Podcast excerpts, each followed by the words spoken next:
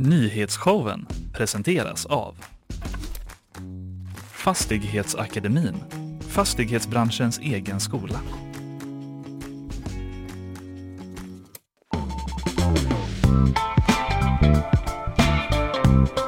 Det är så gott att må gott igen brukar jag säga ibland för att hämta kraft eh, när man sätter igång ännu en eh, dag. Och eh, jag mår så gott när jag sitter där med dig Linnea Rönnqvist. Ja, det låter inte alls som du försöker övertyga dig själv. Äh, nej, det är helt genuint. Nyhetsshowen heter programmet och vad ska du prata om idag? Jag kommer prata om en israelisk attack mot ett flyktingläger i eh, Gaza. Mm. Minst 50 personer ska ha eh, dödats. Eh, vi kommer prata lite mer om det sen.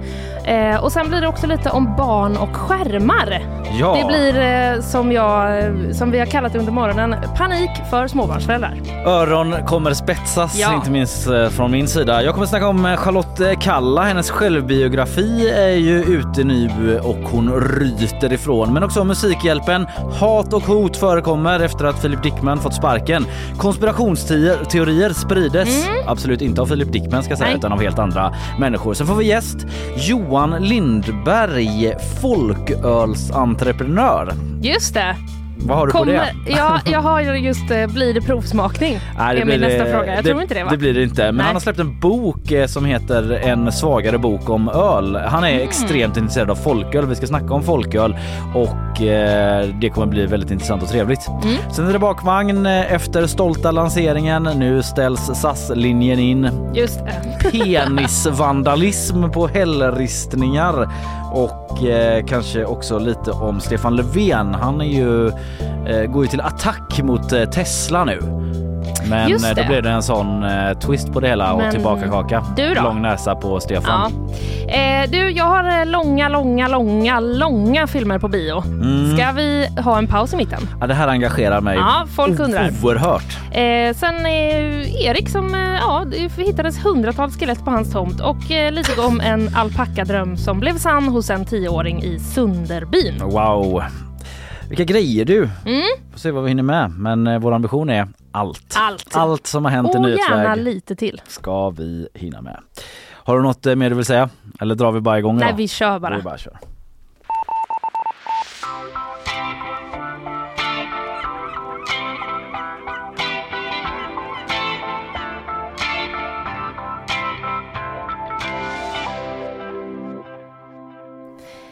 Minst eh, 50 personer uppges eh, ha dödats i en israelisk attack mot flyktinglägret Jabalia i norra Gaza. Mm. Det uppger eh, det Hamas-styrda hälsodepartementet och Israel har bekräftat att man har genomfört den här attacken eh, och säger då att de i den här attacken dödade ett viktigt Hamas-befäl som kopplas till ehm, attacken den 7 oktober. Okej. Eh, vi kan börja med att lyssna lite på Ekots eh, korrespondent Johan Mattias eh, Sommarström. området ses av Israel som ett Hamas-fäste. Eh, Civila har ju uppmanats att ge sig av därifrån men uppenbarligen av bilderna att döma så fanns en hel del civila kvar. Bilder från platsen visar också pulveriserade byggnader från den här roboten och en stor krater där roboten landat och eh, nästan bildat som ett nytt torg med ett djupt hål från attacken i mitten. Mm. Eh, hälsodepartementet då, som styrs av Hamas har uppgett ett tidigare uttalande att eh, omkring 150 personer skadades Mm. och eh, att eh, tiotals också var fast under rasmassorna. Eh, och nyhetsbyrån AFP eh, de har också då videomaterial från den här platsen. Mm. Och enligt det då så är det minst 47 kroppar som har hittats under eh, ruinerna och precis som eh, Johan Mattias Sommarström sa så eh, syns också stora gropar i marken då Mm. efter eh, den här eh, attacken. Eh, och Israel ser ju det här då som ett fäste för Hamas. Just det. Det, Och de menar alltså att de har träffat någon där då? Exakt, precis. Alltså Så det här säga. flyktinglägret då, Mm. eh, Jabalia, ska jag bara eh, förtydliga. Mm. Och i ett uttalande då så skriver eh, Israels militär eh, så här om befälet då som de uppger att de har eh, dödat. Så här Ja, de. det var det jag syftade på när jag uttryckte mig extremt oprecist. Men Ja. bra. Mm. Mm. Så här skriver de i alla fall. Hans eliminering utfördes som en del av en storskalig attack mot terrorister och terrorinfrastruktur tillhörande den centrala Jabalia-bataljonen som hade tagit kontroll över civila byggnader i Gaza stad. Mm, Så skriver de. Och Daniel Hagari då, som är talesperson för den israeliska militären, han säger att eh, flera andra medlemmar av Hamas också dödades i den här attacken. De befann sig då på samma plats som eh, befälet. Mm. Eh, och han säger också att attacken har påverkat hela Hamas eh, underjordiska infrastruktur. För att i den så, så ja, det blev följden av den. Mm. Eh, helt eh, Enligt enkelt. Israels militär då ja. Precis. Mm. Eh, och han upprepar också uppmaningen då som IDF, alltså Israels försvarsmakt, Mm. har kommit med tidigare då till människor i norra Gaza att ta sig söderut. De har ju Mm. uppmanat det, att man ska evakuera den Ja, delen såklart. just det. Eh, eller såklart, men den delen. Mm. Eh, FNs generalsekreterare Antonio Guterres, han upprepade då under eh, tisdagskvällen sitt krav på omedelbar Eh, omedelbart eldupphör Mm. eh, uppmanar också alla parter då att eh, respektera internationell humanitär rätt enligt eh, The Guardian. Så här säger han. Jag fördömer dödandet av civila i Gaza och jag är bestört över rapporter om att två tredjedelar av de som har dödats är kvinnor och eh, barn. Ja. Och det är egentligen det vi vet nu om Mm. den här eh, attacken. Mm. Men eh, vill man läsa mer och hålla sig uppdaterad så finns ju alltid våran direktrapportering om eh, det här på gp.se. Ja den är väldigt bra. Ja. Där följer liksom en stridström av det senaste som vi rapporterar om kring Mm. detta. Tack för det Linnea.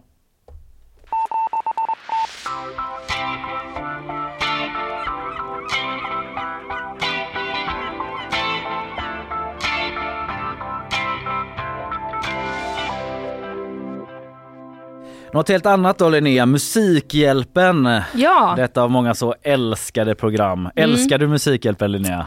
Eh, vet du vad? För mig har det eh, förknippats med ångest på ett jättekonstigt sätt. Varför då? Därför att jag tittade på det en gång när jag eh, var hemma och var sjuk Mm. och bara så mådde jättedåligt. Så nu är det som att varje gång det är Musikhjälpen så känner jag, va, borde jag må dåligt på något sätt? Ja, just det, det är lite Ehm, betingat men, så. Ja precis, och det ligger ju helt hos mig så att säga. Ja. Så att, eh, men men ett, jag kan väl uppskatta ändå att det är lite... projekt. Alla har Ja, väl, s- absolut. alla kanske inte, men många har väl sugits upp i den där stämningen som blir runt det Absolut, då och då. det har förekommit gråt till eh, Musikhjälpen. Absolut. N- Nu förekommer istället eh, hat och hot mot Ja. eh, Musikhjälpen och eh, då följaktligen även mot Sveriges Radio. Och det handlar inte om att folk tycker att vissa visst ska dö av hunger. Nej, som ju är precis. temat, det motsatta. Utan det har inget med det att göra utan det handlar ju om att eh, man sparkat Filip Dickman, Mm. den tilltänkta programledaren. Innan han ens hann kliva in i buren så bröt man uppdraget där. Eh, och eh, då i kölvattnet av detta då så har det spridits eh, konspirationsteorier kring Sveriges Radio. Som inte har med Filip Dickman att göra eller kommer från honom på något sätt utan från helt andra håll. Och det har gått så långt då att Sveriges Radio tvingats vidta stärkta säkerhetsåtgärder och eh, gjort uttalanden då om att man ser ytterst allvarligt på den här situationen. Mm, det säger Anna-Karin Larsson som är ansvarig utgivare för Musikhjälpen. Vi ska höra mer från henne om en stund då. Men du och alla andra minns ju att eh, Sveriges Radio kände sig tvungna då att bryta med Philip Dickman eh, innan eh, han klev in i buren och det här var ju efter att han hade lagt upp videos på TikTok då eh, om Israel och Gaza eh, och eh, videos då som Sveriges Radio inte tyckte var okej i förhållande till opartiskheten Mm. vad som ska gälla för medarbetare på public service. Och eh, ja, där har det varit eh, liksom lite olika citat och förtydliganden och sånt men eh, att eh, Filip Dickman pratat om liksom att man måste få till humanitära insatser i Gaza nu. Det är inte det som är problemet då Mm. utan Anna-Karin Larsson bara för att liksom recappa lite där eh, har sagt så här till eh, P3 Nyheter då. Men det är svårt att vara så tydlig i vad man tycker i frågan och samtidigt vara programledare på Sveriges Radio för ett av våra största evenemang där just den här frågan kan komma och diskuteras. Mm. Vi vet fortfarande inte vem som ska ersätta Filip Dickman då. Nej. Eller vilka de andra Vilka, två nej är. precis, vilka de andra är. För det här hände ju, hände ju innan man han eh, lansera det. Det är Ja. alltid en stor grej varje år då. Får väl se om de fått tänka om lite grann där. Lite uppenbarligen kommer de ju få tänka Ja, om. ja precis. Det, annars blir det två personer som bara får jobba 12 timmars skift hela tiden. Ja, det går ju inte. Så kan vi inte ha Så det. kan vi ta det. I alla fall det har ju lett till starka reaktioner. Folk på nätet har eh, hotat och ropat om bojkott. Att man inte tänker Oj. ge pengar till eh, Musikhjälpen då i Nej. sociala medier. Ja. Eh, Oklart hur många såklart Oklart som hur ropar. många, lite så kreti och pleti. Mm. Som man säger, lite nedsättande. Vanligt folk, herregud. Ja. Eh, vissa har reagerat så, men eh, nu har det också vuxit till regelrätta hot då. Och det handlar i sin tur om att flera konton i sociala medier spridit en konspirationsteori då om att det skulle ligga en judisk agenda bakom att eh, sparka Mhm. Dickman, Dickman. Och det är Dagens ETC då som var först med att rapportera om ett konto på TikTok med 120 000 följare som spridit uppgifter om att liksom en som jobbar med Musikhjälpen där som är central eh, i den här eh, konspirationsteorin.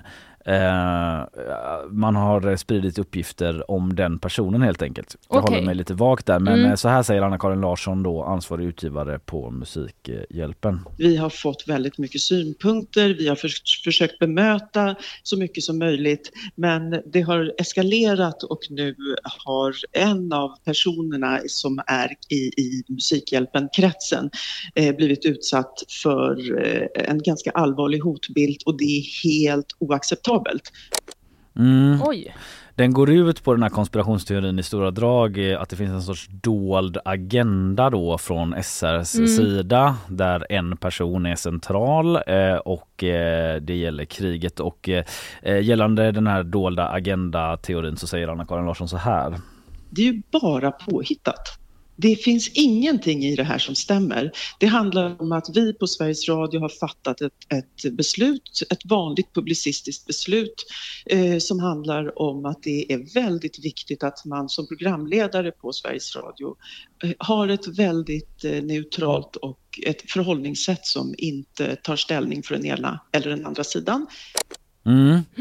Sen vill hon inte gå in på vilka säkerhetsåtgärder det är man har vidtagit då. Eh, hon kan inte det helt enkelt eftersom det i sig är ju en fråga om säkerhet. Just det, det inte- brukar ju vara så. Man kan inte berätta vad det Nej. är för säkerhetsåtgärder. Det motverkar ju syftet lite grann då. I alla fall Dagens Nyheter, de har varit i kontakt med den här killen eh, som har det här TikTok-kontot som jag Mhm. nämnde med 120 000 följare. Eh, och eh, han menar då att eh, den här eh, av honom utpekade personen som är Mm. föremål för Mm. eh, de s- största eh, hoten eh, eh, kommer från en familj med liberala judar. Alltså det här är det som sägs i det här TikTok-klippet då, liksom att det är en aktör vi måste hålla koll på.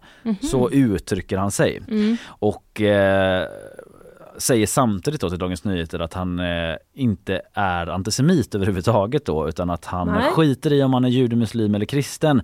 Men han tycker att det finns en koppling till sionismen och en sionistisk agenda i Aha. SRs förhållningssätt i det här då att han tycker att liksom man måste kunna prata om det som händer i Gaza och då är det konstigt att man sparkar en programledare för att man har gjort det. Ungefär så uttrycker han sig. Okej. Men eh, det finns ju liksom inga bevis överhuvudtaget för den här Nej. konspirationsteorin och så vidare som vi hörde Anna-Karin Larsson prata om då. Men ehm, så, så ser det ut. Eh, Det, det liksom sprids en eh, uppiskad eh, stämning som växer mot Sveriges Radio som har gjort att man har fått vidta de här säkerhetsåtgärderna då. Ja, väldigt, alltså det känns eh, som en ovanlig stämning just kring Musikhjälpen också. Där brukar det ju mer vara hjärtan och kärlek och liksom Verkligen. eh, sådär. Det Pepp. ställer ju frågor kring eh, hur man eh, går vidare då från Musikhjälpens håll. Det är ju inte så långt kvar. Eh, Det är väl en, en och en halv månad ungefär Ja. eh, tills man I Västerås är det varje år. Precis, Ja. där förläggs Kärlekens torg Mm. i år då. Men man fortsätter som planerat förutom att Filip Dickman inte är med då. Han skriver för övrigt på Instagram då angående det här med bojkott och sånt. Mm. Eh, att eh, alltså alla som följer honom och känner honom vet att det har varit hans drömjobb att leda Musikhjälpen och han fattar att folk är liksom frustrerade och ropar på bojkott men att han själv just nu är alldeles för omskakad skriver Mm. han för att ta ställning i eh, den frågan. Växjö, är Växjö är Musikhjälpen, ja. just det. Förlåt, jag blandar ihop dem. Ja, det ska vi inte göra mer. Eh, sen eh, har han en längre utläggning där om eh, alltså vad han har postat. Eh, att liksom han tycker inte att han har brutit mot någon eh, neutralitetspolicy som han menar då dessutom inte ska ha trätt i kraft ännu. När han Aha, postade det. okej. För att Mm. han är ju inte anställd på Sveriges Radio utan han är Nej. ju liksom inkopplad för det uppdraget att leda Musikhjälpen då. Mm. Han menar liksom att han eh, bara tagit ställning för mänskliga rättigheter och inget annat. Så Mm. han håller inte med Musikhjälpen om deras eh, karaktärisering av det som Nej. skett då. Men Eh, som sagt, frågan i luften är vad som händer eh, med årets insamling, hur det påverkar programmet, Ja. den här hotbilden som finns och stämningen runt det hela. Mm. Kanske varumärket Sveriges Radio Mm. också, kan det påverkas?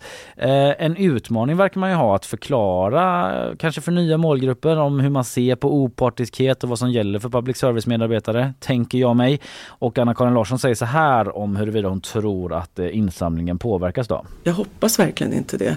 Eh, och vi får verkligen försöka förklara vad Musikhjälpen är och vad Musikhjälpen ska vara. Ja, så sa hon till Peter Nyheter alltså. Vad tänker du om det hela Linnea? Eh, jobbigt läge för dem. Mm. Alltså, jag såg också, jag såg ett eh, inlägg på Instagram som de hade gjort igår kväll. Som- P3, P- om Musikhjälpen. Musikhjälpen Mm. hade gjort det. Där, där de liksom försökte svara på olika frågor för att eh, tydligen så får de, eh, är de liksom väldigt hårt ansatta i kommentarsfälten. Ja, Eh, stackars eh, moderatorerna, Ja men vet du, det de är enskilda anställda. verkligen Mm. eh, eh, sympati Okej. med dem. Ju känna med dem ja. Det är inte helt lätt att moderera ett eh, kommentarsfält alla gånger. Nej. Men, eh, ja, Men- nej, jag vet inte riktigt vad jag ska... Nej, det är svårt. Det är ju intressant, eh, eller det är en liksom svår utmaning för Sveriges Radio att hantera eh, detta. Alltså allt Mm, som rör Israel och, liksom. Israel och Gaza är ju oerhört komplicerat. Ja.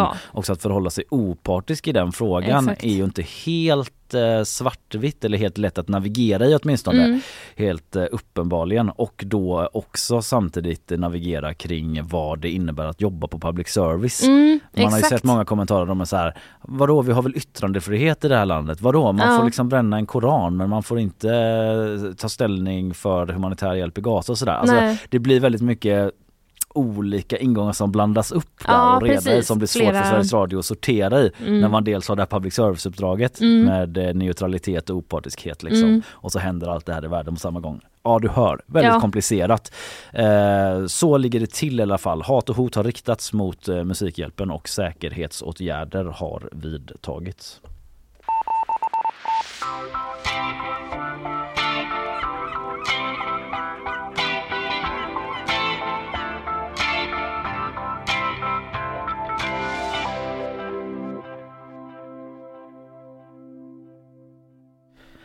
Vi är på Youtube nu också. Ja, det är inte klokt! Kan jag bara flika in? Genombrottet.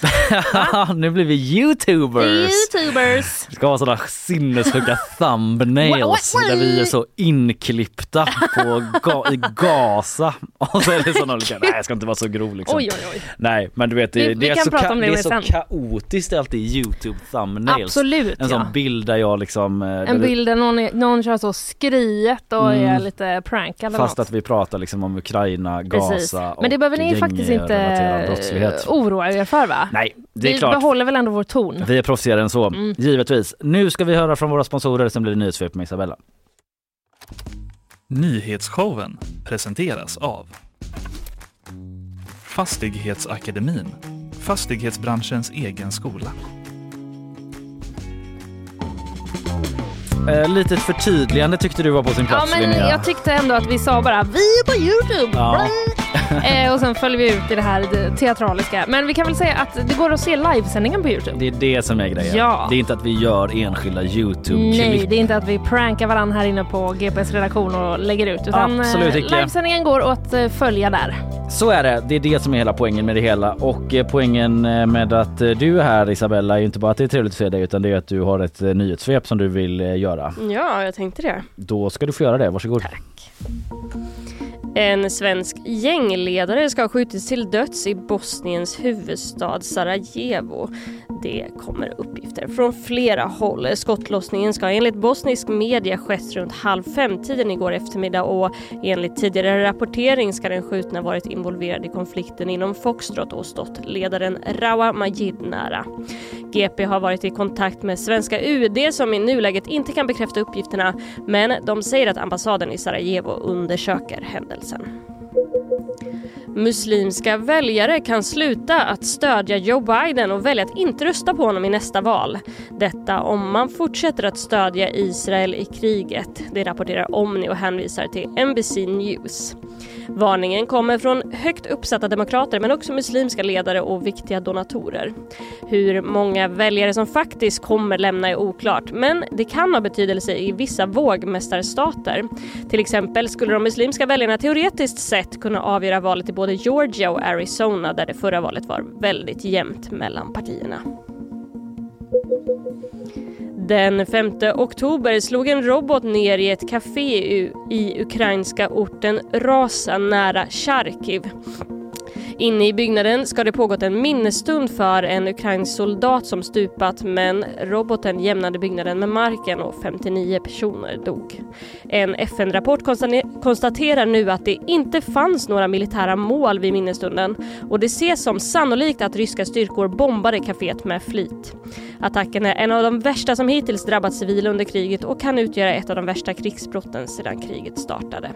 Ryssland har inte kommenterat bombningen men står fast vid att man bara anfaller militära mål. Tack Isabella, du är tillbaka lite senare. Vet du redan nu vad det ska handla om eller blir det överraskning? Det får vi se då. Det får vi se då. Det ser vi fram emot. Ja, vilken cliffhanger. Mm. Vi ska vidare. Det blir eh, skärmtid.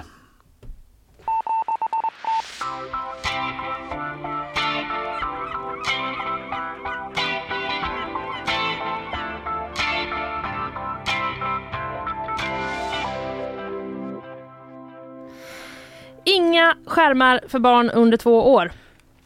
Hur ska de göra om de får sol i ögonen då? Ska... Återkom med frågor på slutet. Ah, ja, okay. Mm. Det är inte såna kepsskärmar? Eh, nej. Det var det som var skämtet. Ja, det var det som var skämtet. Nej. Jag förtydligar. Jag Skämtet om. hade med kepsar att göra. Jag börjar om. Ja. Inga skärmar för barn under två år och max en timme per dag för två till femåringar. Det skriver Barnläkarföreningen i sina nya riktlinjer som då DN har läst och rapporterat om. Mm. Reaktioner? Frågetecken. Vad You can't tell me how to raise my kids. ja, härligt. ehm, du, det viktigaste för ett barns tidiga utveckling och inlärning Mm. Det är att få utforska fysiska miljöer och kommunicera med riktiga människor. Inte digitala miljöer och eh, låtsasmänniskor. Nej, Precis. Vi återkommer till eh, lite mer eh, om eh, själva, själva faktan höll jag på att säga. Men jag vill bara sätta det här lite i ett sammanhang. Ja, eh, att det här är då första gången som Svenska barnläkarföreningen kommer med såna här allmänna rekommendationer. Och Ulrika eh, Odén, professor i barnmedicin och ordförande för Barnläkarföreningen, hon säger att det gör de för att de möter en stor efterfrågan på såna här råd då från föräldrar, barnhälsovården och samhället i stort. Ja, det kan jag tänka mig. Samhället själv... är stort också. Samhället är mm. stort mm. också. Har du själv efterfrågat sådana här råd någon gång? Uh, jag har ju googlat efter dem. Ja. Här. Men jag tror att det är väldigt många föräldrar som kan brottas med uh, oavsett om man har mycket eller lite. Mm. Är man på en lagom nivå. Exakt. Att man känner när barnen har varit sjuka och kollat satan i flera mm. dagar. Att man bara hur är det nu det borde vara? Vad är bra? för nu jag? känns det inte bra. Nej, för nu är precis. de helt galna och de vill inte göra någonting annat än att titta på Fortune eller vad det kan handla om. Ja, oh, Fortune. Ja, wow. blir sugen. Du då? Du är väl ändå del av det bredare samhället? Exakt, eller vad jag är samhället i stort. Ja, samhället i stort ja. Det är jag. Representant för samhället i stort, Linnea Rönnqvist. Vad känner, vad känner, du? Nej, men jag känner, Har du eftersökt informationen? Ja, ja, jag känner ändå att jag efterfrågar eh, det. Typ att jag skulle vilja efterfråga det för även eh, typ vuxna kvinnor i 30-årsåldern. Ja, det kan man känna. Hur mycket Instagram ska man scrolla egentligen? Ja, verkligen. Skärmtid för Folk vuxna. som gör om olika byråer och köper en bil och tjänar jättemycket pengar. Ja. Eh, strunt samma. Eh, så är det i alla fall. Det pågår arbeten hos flera myndigheter mm. om detta. Skolverket håller på med ändringar i läroplanen för förskolan. Ja, det har vi pratat om. Ja. Mm, precis, för det, regeringen kom ju där i början av oktober med... Först skulle de ha det och sen inte. Typ. Ja precis, det har ju varit liksom, eller som det är nu så är det ju obligatoriskt med mm. digitala läromedel i förskolan. Mm. Men nu ska de slopa det väl? Men nu vill regeringen att det i huvudsak ska vara skärmfritt ja. i förskolan. du hör att jag är liksom, jag är på det ja, du är med på, de här typen av nyheter. Ja visst. Mm. Eh, så de håller i alla fall på Skolverket nu då och jobbar om det. Och Folkhälsomyndigheten håller också på att ta fram eh, riktlinjer. Men de kommer inte vara klara förrän tidigast i slutet på 2024. För de kan inte koncentrera sig, de sitter och bara scrollar Instagram Exakt. medan de ska jobba. De har fastnat i den här eh, olika hundar som gör olika grejer Mm. på reelsen. Det är gamla scrollar på. hålet. Ja. Det är gamla hålet. Men Barnläkarföreningens riktlinjer är alltså här. Så de Mm. kan man ju då nörda in sig på och eh, liksom följa om man, om man vill. Ja. Eh, så jag upprepar då, inga skärmar alls under två år. Och max en timme om dagen för två till femåringar. Ja. Mm. Det är vad, det- tyck, mm. vad, vad är liksom din spontana, tycker du det låter mycket eller lite? Ja men ja, svårt att bedöma. Inga skärmar alls för barn under två år. Mm. Så här, jag tror säkert att det är rätt och riktigt men jag tror att väldigt många bryter mot det Mm. eh, i någon utsträckning. Särskilt om man har fler än ett barn i familjen där Mm. ett äldre barn gärna Just det. har en Då blir det skärm. väldigt orättvist att säga, du måste sätta dig åt Mm. andra hållet. Ja, det är ett problem. Men det är också det här att eh, du som förälder har en eh, helt otrolig lösning för att lugna ner stämningen. Mm. Ett, ett verktyg som är nästan av Gud skänkt liksom Mm. för att få lite lugn och ro i båten så Ja. du kan laga mat Mm. eller bara återfå förståndet en stund. Ja. Och så får man inte ha det.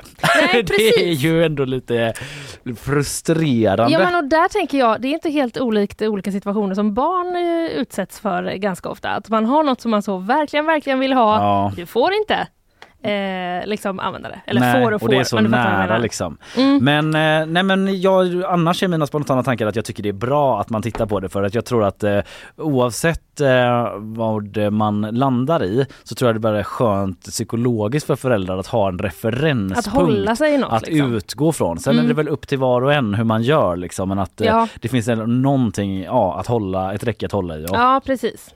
Men det här menar i alla fall eh, Ulrika Odén då att det ligger i linje med rekommendationerna från WHO. Mm, för de har ju jag redan tidigare De har sett du varit inne på. Ja, för det är de där man hamnar då Ja, när man är ute och mm. liksom famlar på internet efter Mm. detta. Så kan man eh, se WHOs eh, riktlinjer där ja. Mm. Men det är också typ så här om man har två timmar eller en timma om dagen, Mm. mm. var det? En timme om dagen för två till femåringar. Då är det så himla jobbigt om förskolan suger upp liksom 40 Just minuter av den tiden med någon jävla skärmtid. Ja. När ska Då jag det göra bara- mina då liksom är det bara 20 fantasy allsvenskan byten då? Hade ni tänkt? Ja herregud men du kommer få Fröknarna på Vet du- förskolan, personalen, pedagogerna. Ja men snart kanske det inte är någon skärmtid alls där längre då i och med att man håller på att Nej. göra om. Nej. Ja vi får se. Eh, men i alla fall de här råden liksom, de grundar sig då ju på eh, alltså, fakta uppenbarligen och det är att små barn lär sig mycket mer och snabbare genom att eh, då utforska fysiska miljöer och interagera med andra barn och vuxna. Mm. Det är det va? Ja, Mm. det låter Till, ju logiskt. eh, till exempel då, tittar du på, liksom, ser du en saga på en skärm, då Mm. menar eh, Ulrika Odén att då, då missar man ju en dimension. Hela den här att eh, man läser saga tillsammans med någon annan. Och att i fantasin då kunna måla upp bilder. ja, till exempel. också går lite förlorat. Precis. Hon säger också så här då att i den här åldern så lär man sig inte lika bra om man kommunicerar med skärmar. Man behöver göra det med ögonkontakt, riktiga människor och miljöer. Mm, mm. Och tanken är då också liksom att om man minskar skärmtiden så finns det ju mer tid för fysisk aktivitet. ja. A.k.a. kaoshoppa runt i soffan då kanske och slänga Precis. kuddar på olika ställen. Medan du försöker Exakt. laga mat. Kan du exempel. göra en koja till mig? Nu gick den sönder! I nästa sekund som man har gjort den. Pappa den är sönder! Nej! Det var Ja. ett fuskbygge.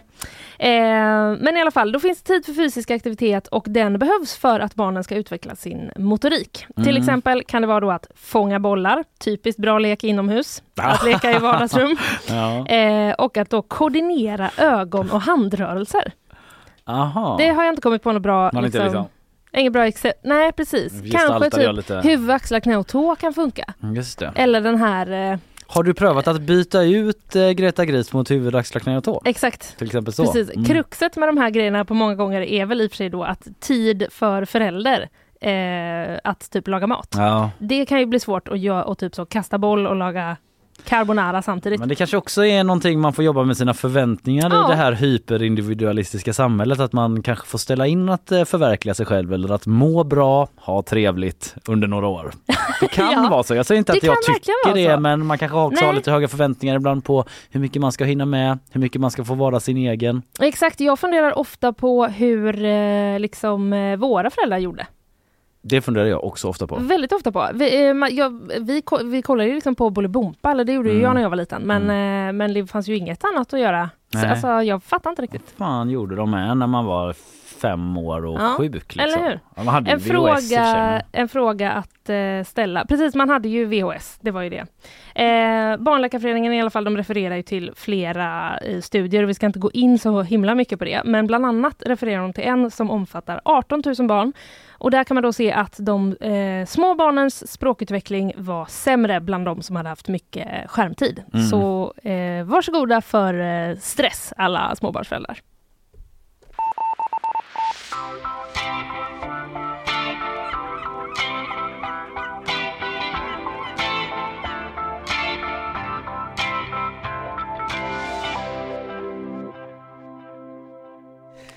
Du, eh, Charlotte Kalla, Ja, denna legend, Mm. eh, skidåkare, nationalhjälte skulle vissa till och med kalla henne. Mhm. Vilka tv-ögonblick man har haft med henne. När Det de har liksom man faktiskt. krigat upp i backen. Här kommer Kalla! ja. Jajamensan! Och så kommer de på upploppet och bara kör en mål. Gåshud av mig själv nästan hur jag gestaltade. Skam den som ger sig heter hennes eh, nya bok, en självbiografi som hon har skrivit Mm. med Johan Esk på DN. Eh, och eh, hon talar ut i den. Det är en sak som har blivit eh, nyhet, en stor nyhet eh, under gårdagen som hon inte har pratat så mycket om innan. Men det var en megastor grej när det hände och hon är förbannad och upprörd över det än idag. Och det handlar om kyssen Linnea. ja. Galakyssen. Du känner till det? Kommer du ihåg det eller har du mer? eh, Eh, nej, jag kommer inte ihåg det men eh, jag har eh, liksom eh, någon slags uppfattning om att det har hänt. Ja, ungefär så är det väl för mig med måste jag säga. Men eh, det var i alla fall på Idrottsgalan 2008, Mm. snart 16 år sedan då, som Peter Settman var värd. Och då var det någon sorts liten sketch eller skit där, där Settman gick in i sin gamla älskade skulle jag vilja säga, många i alla fall. Eh, karaktär Ronny Mm. eller Ragge. Men jag tror att han var Ronny då. Ronny och Ragge. Ja, jag vet inte heller vem Du känner inte vem. till dem? Det är återigen så... Jag känner Ja. till, herregud! Ja men det är ibland så är det det här generations, generationsglappet Nej i men humorsketcher. självklart känner jag till Ronny och Ragge. Mm. Eh, där, det jag skulle säga var att jag är inte helt säker på vem som var vem av dem. Nej, det är Nej. det jag också är osäker på. Mm. Men jag, fast jag, efter att ha läst den morgonen, han var Ronny. Skitsamma, det är inte så Okej. viktigt. Men eh, Charlotte Kalla då i den här sketchen, eh, hon får en sån här Wunderbaum, en sån här man har i bilar som Mm. luktar gott då, som medalj. När eh, Peter Settman också går in i karaktären Ronny. Då eh, låter det så här. Åh visst för fan. Wunderbaum. Den där kanske, det kanske faktiskt inte är så att, att den kanske inte är lika heavy som dina tidigare medals, men den luktar fan mycket fräschare fan. Där hör du den. Ja, det var ett smack. Ja, kyss eller blöt puss i alla fall, rätt på munnen och Gunde Svan skrattar så han kiknar på karaktäristiskt eh, vis och det är stort jubel och garv i salongen som du hörde. Mm. Eh, säkert eh, några som var så What the fuck? Ja, Vad håller du säkert. på med? Peter. Mm. Eh, men de syntes inte i bild i alla fall och då hörs man inte lika mycket heller. Nej. Eh, Men det var alltså 2008 detta hände och eftersnacket då handlade det väl mest om att Charlotte Kalla blev sjuk efteråt och folk var så jävla Peter Settman. Aj, Det är jaha. världscup i Davos. Ja, det var typ. det. Ja, men det var antagligen någon gammal förkylning som kom tillbaka och så vidare var snacket också. Men skitsamma, nu är det 2003. Mm. Diskussionen har förflyttats. 2023. Eh, Det är det eh, ännu mer korrekt. så är det 2023. Mm. Jag har inte backat fem år. Nej. Eh, 2023 är det. Diskussionen har förflyttats. Vi har ett eh, metoo som har pågått eh, Ja. bland annat under tiden som gått. Och i den här boken så skriver Charlotte Kalla att hon redan när det hände där och då faktiskt blev skitsur. Att det kändes upprörande och förkastligt skriver hon i boken. Och hon var med i eftermiddag i P3 igår. Det går tusen tankar genom min skalle. Får jag bli arg? Får jag dra härifrån? Eh, nej, jag tror att det förväntas att jag ska tycka det här är roligt och skratta åt det skämt som det var menat att vara. Men eh, han trampar verkligen på mig som person och jag hade inte möjlighet att... Eh, eller jag kände mig inte trygg i att eh, eh, reagera på riktigt. Mm. Mm. Det är ju liksom för en miljonpublik det här Ja, ja, ja. i tv-sofforna Ja. och en fullsatt arena där det sänds. Och eh, det blir väldigt förnedrande för henne. Mm. Att eh, vara i en sån kränkande situation som hon upplever det och alla bara skrattar och sådär. Och man Mm. känner att man måste reagera på det sättet. Ja, ja. Alla blir bara Ja. sura om man blir sur. Exakt. En jävla tråkmåns Mm. typ kanske. Mm. Eh, och eh, så här säger Peter Settman, för han var också med i eftermiddag i P3 igår. om Charlotte, eh, Charlotte känner så här, så är det, eller om, i och med att hon gör det, så är jag den första att be om ursäkt. Det är otroligt enkelt för mig. För, för, för hela syftet med, med det, det som gjordes då, eh, 2008, det var ju att hylla henne. Men jag ska vara helt ärlig, det, för mig känns det inget bra, ärligt talat, att hon har tagit illa vid sig. På riktigt menar jag det. Det menar han på riktigt Mm. och eh, han ser tillbaka då på situationen, hur det här kunde ske och så. Så här i, efter, i efterhand eh, så tänker jag att, och det är en producentfråga när jag säger så, det vill säga det är inte jag som skapar Idrottsgalan om Mm. du förstår. Det är, det är producenter, redaktörer och då kanske någon skulle ha sagt så här, Nej, men låt, oss, låt oss kolla med dem som ska vara med på ett eller annat sätt i Idrottsgalan. Mm, typ, någon borde stoppat mig. Varför var det ja, ingen som stoppade mig? Exakt. Eller, vad menar han att någon skulle vara så, eh, hej är det Charlotte Kalla? Ja. Eh, jag undrar om det är okej att eh, Peter Settman pussar dig på munnen bara? Det låter... Eh, någon gång under kvällen? Ja precis, Jag det vet låter inte. som att det är något sånt han far Ja, efter. mm. Ehm, lite oklart ändå. Men eh, han får i alla fall en fråga av programledaren Kristoffer Garplind sen då. Till SVT sa du att 15 år inte känns som så lång tid, men att det är det rent kulturellt. Vad menar du med det? Nej, men jag menar det. Alltså, det, man måste ju vara fullständigt tondöv om man inte tagit till sig av metoo. Alltså humorn, änd- humor är ju alltid någon form av färskvara. Den rör sig hela tiden i takt med allt annat. Sannerligen. Eh, det, det, det, det, men det, det går nästan inte att kritisera humor som är gammal och säga att det funkar inte idag, för det gör det ju inte idag. Det går inte att kritisera honom Nej. för det är gammal humor. Nej precis, humorn. Ja, man förstår ju vad han menar. Ja. Humor är ju ofta kontextbundet eh, och till samtiden eh, bundet också. Men eh, det kan ju vara så att det fanns folk redan då som inte tyckte det var kul också. Till exempel Charlotte Kalla. Precis. Även andra människor i debatten gissar jag. Mm. Men att man kanske bemötte som att så bara, men kom igen nu. Mm. Var inte så jävla tråkig. Mm. Det är ett skämt. Och men, det, men eh, man fattar ju också hur de resonerar. För jag Mm. menar skulle hon ha, eller liksom att stå i det direktsända miljonpubliksläget så bara resa sig upp och, Ja. typ, och spri- gå ut. Eller du vet, då blir det ju... Nej men då Ja. ställer man till en scen och då är Exakt. man Mm. tråkig och Precis. liksom skapar skandal och sådär. Mm. Ja det var säkert en del stackars feminister i debatten efteråt som eh, också fick jobba i motvind där. Eh, gissar jag bara. Ja. Eh, I alla fall, Peter Settman han ber om ursäkt. Eh, Charlotte Kallas bok är ute. Där snackar hon också om vikthets och skamkänslor om att känna sig som en värdelös bluff bland annat och sådär. Eh, säkert också om de goda ljusa stunderna Ja, vi, jag. det, lite grann får vi hoppas att det är Ja. om det också. Jag har inte läst den själv men så skrivs det om den i alla fall.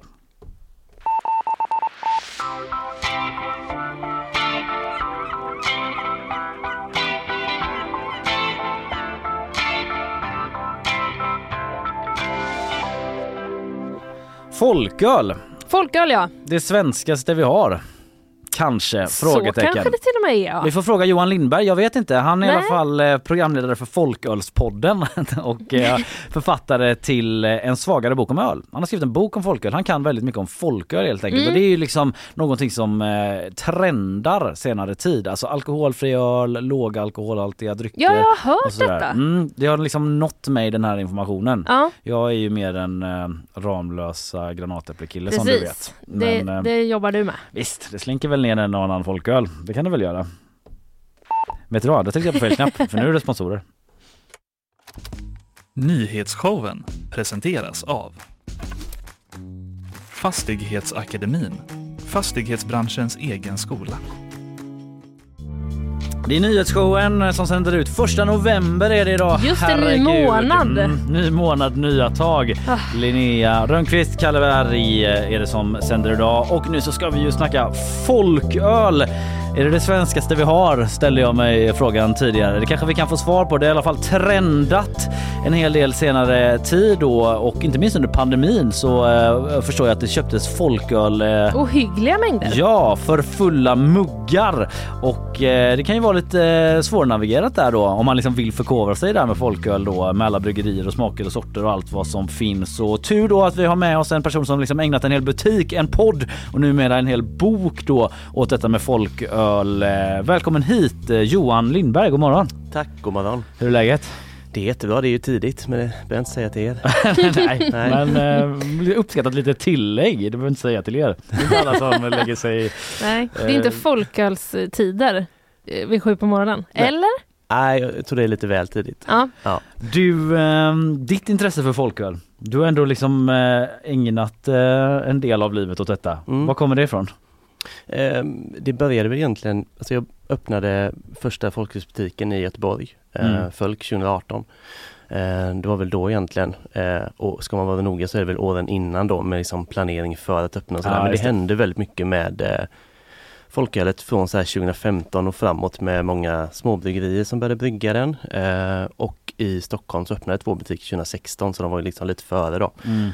Eh, så det var en sån, eh, jag märkte att det var en trend på gång där liksom och då blev jag intresserad Mm. också. Är det typiskt svenskt med folköl eller? Ja, det är det ju. Ja. Alltså det finns ju svag öl i andra länder men inte så att det liksom heter så specifikt och är en egen grupp liksom. Mm. Men för är det, det bara slog mig nu när vi säger folköl hela tiden, att mellanöl, Mm. är det samma sak? Frågetecken?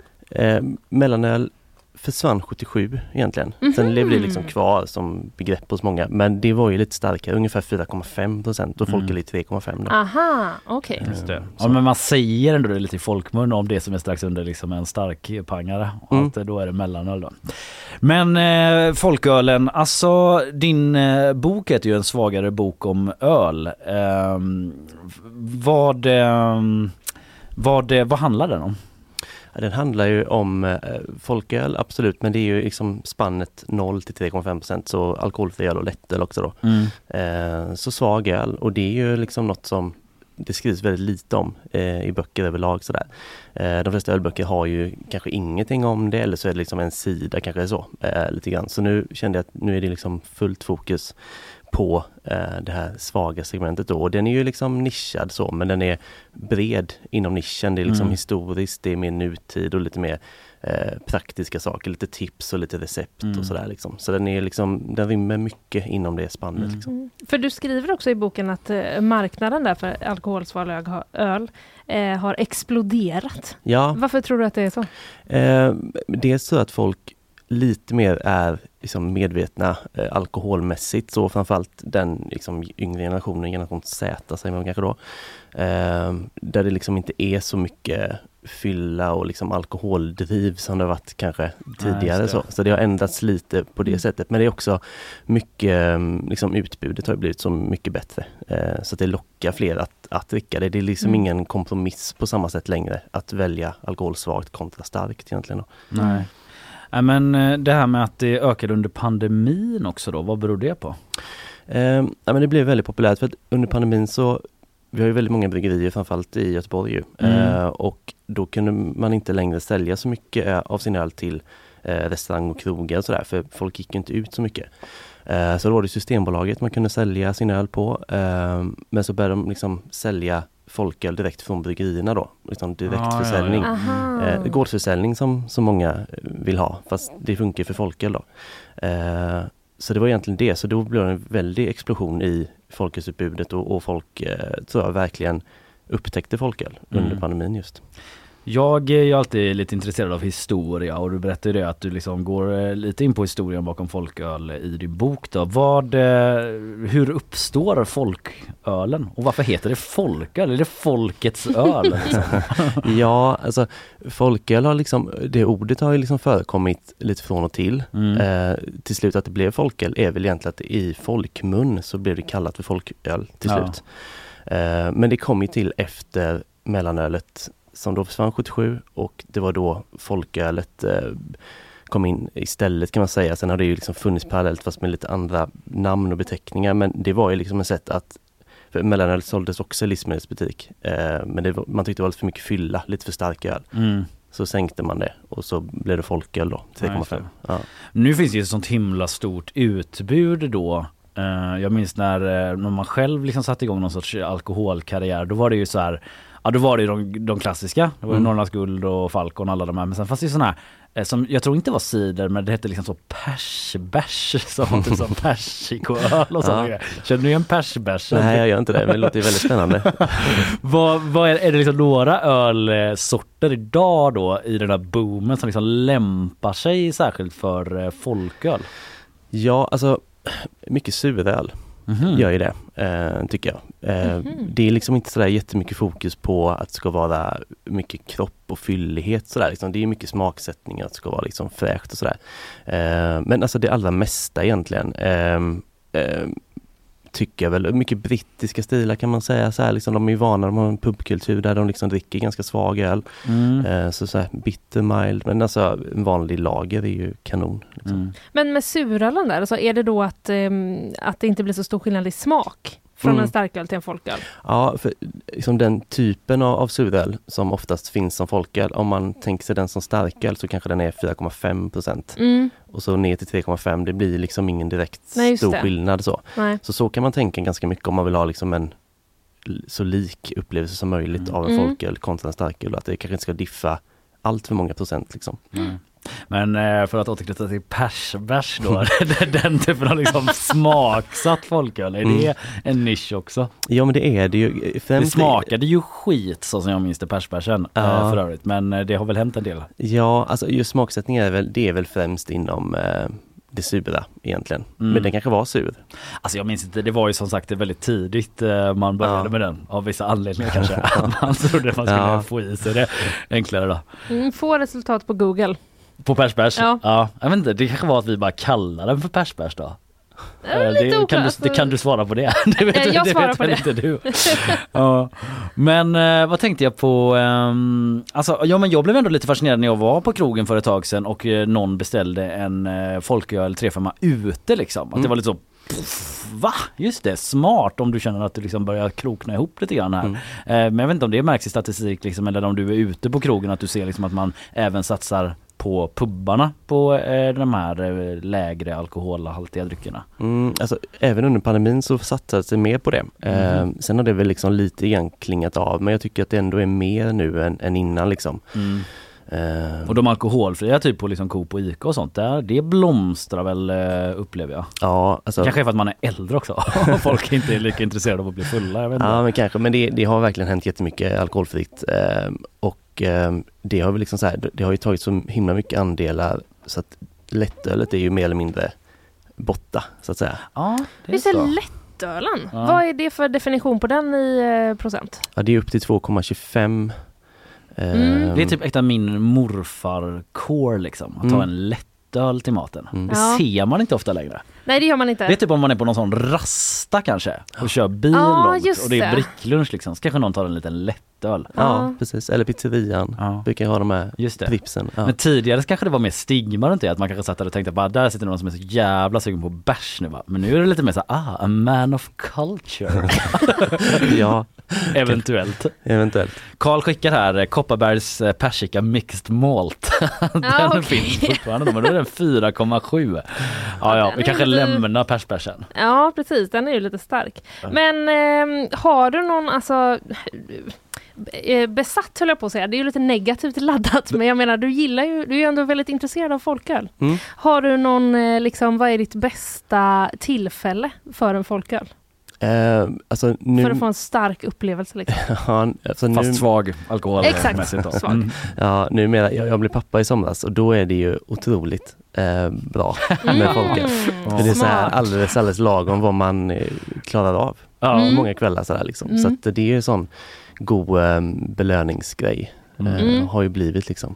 Är det liksom populärt med någon typ av light-varianter? För jag menar det sätter sig ju lite på kaggen ändå om man Mm. sitter och pimplar folköl. Är det någon variant precis som en läsk så att man jobbar in den typen av Ja. produkter? Jag har fått den frågan i Ja, sen 2018 tror jag. Ja det är så? Ja, men det, det, nej, det har inte hänt något särskilt Nej. där alltså. Nej. Folköl zero. Ja men för det finns ju så här Bud Light och liksom andra lightöl. Ja, det kan finnas någon sån eh, liksom storskalig eh, light möjligtvis men det är, nej, jag kan inte påminna mig att jag har sett det faktiskt. Nej, det är en uh, marknadsyta som finns kvar då. Mm. Och, och hugga Ja. från någon pigg entreprenör. Jag börjar genast. Ja. Har du någon annan sån? Alltså jag tänker så här, annars är folkölen så mycket förknippat med ungdomen att eh, man inte fick eh, köpa öl någonstans och så kunde man gå till någon jävla butik som eh, på olagligt vis eh, sålde till ungdomar. Mm. Eh, jag vet inte riktigt vad min fråga är på det men liksom så här, började din folkölskarriär eh, likt för vissa andra här inne redan i det stadiet? Nej men den gjorde inte det så mycket faktiskt. Ehm, faktiskt inte, men det är ju verkligen som du säger och det är också med i boken så här, jag har liksom samlat in eh, folks eh, folkölshistoria liksom Ah, så, så det blir så här nostalgiskt, Ah. romantiskt liksom. Och då är det mycket sånt som du var inne på där, liksom första, ja, men första fyllan, Mm. man kunde köpa som för ung i någon kiosk eller sådär. Mm, så. Om man sitter i någon sån fruktansvärd lokal. Jag kommer ihåg att vi var inne i typ ett eh, så sop tidigare soprum utan fönster eh, som sen användes som någon sån typ av skyddsrum och där satt man då i sån lysrörsbelysning. Som och att ställa drack lite på en folköl. folköl. Pressade i sig.